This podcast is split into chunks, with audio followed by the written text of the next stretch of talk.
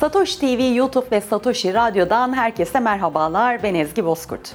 Bitcoin gündemine dair son bir haftanın gelişmelerine göz atacağımız haber turumuz şimdi başlıyor.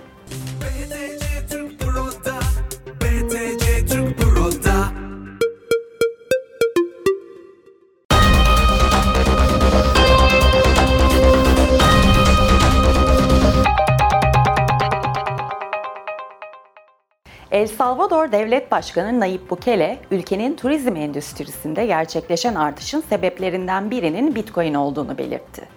Sörf turizmi ve ülkede azalan suç vakalarının da gelen turist sayısındaki artışta önemli bir payı olduğunu belirten Bukele, ülkedeki turizm endüstrisinin pandemi öncesi seviyeye gelmesindeki en büyük nedenlerden birisinin Bitcoin olduğunu vurguladı.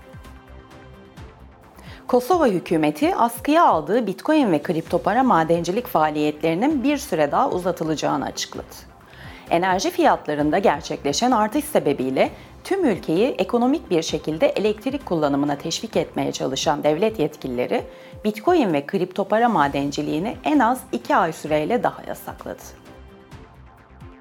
Bitcoin madencilik şirketi Core Scientific, Temmuz ayında 1975 adet Bitcoin sattığını açıkladı. Core Scientific, Bitcoin satışından 44 milyon dolar gelir elde ettiğini ve Bitcoin satışlarına devam edeceğini belirtti. Bitcoin hakkında sürekli olarak olumlu demeçler veren ve Bitcoin maksimalisti olan Michael Saylor, MicroStrateji şirketindeki CEO'luk görevinden istifa etti. Bitcoin yatırımlarıyla bilinen yazılım şirketi MicroStrategy'nin yılın ikinci çeyreğinde 1 milyar dolara yakın bir zarar açıklamasının ardından Michael Saylor görevinden ayrıldı. Zararın Bitcoin fiyatında yaşanan düşüşlerden kaynaklanabileceği belirtiliyor. Skybridge Capital şirketinin kurucusu Anthony Scaramucci, Bitcoin'in görebileceği en düşük seviyeyi gördüğünü belirtti. Scaramucci, Bitcoin'in adil piyasa değerinin 40 bin dolar seviyelerinde olduğunu ve Bitcoin'in uzun vadeli yatırımlar için en uygun seçeneklerden birisi olduğunu vurguladı. Twitter'ın eski CEO'su Jack Dorsey'nin sahip olduğu dijital ödeme şirketi Block, yılın ikinci çeyreğindeki Bitcoin gelirinde düşüş olduğunu açıkladı. Block, şirketin yıllık karının artmasına karşın Bitcoin gelirinin düşmesini, Bitcoin'in piyasa hareketlerindeki belirsizlik sebebiyle olduğu yorumunda bulundu.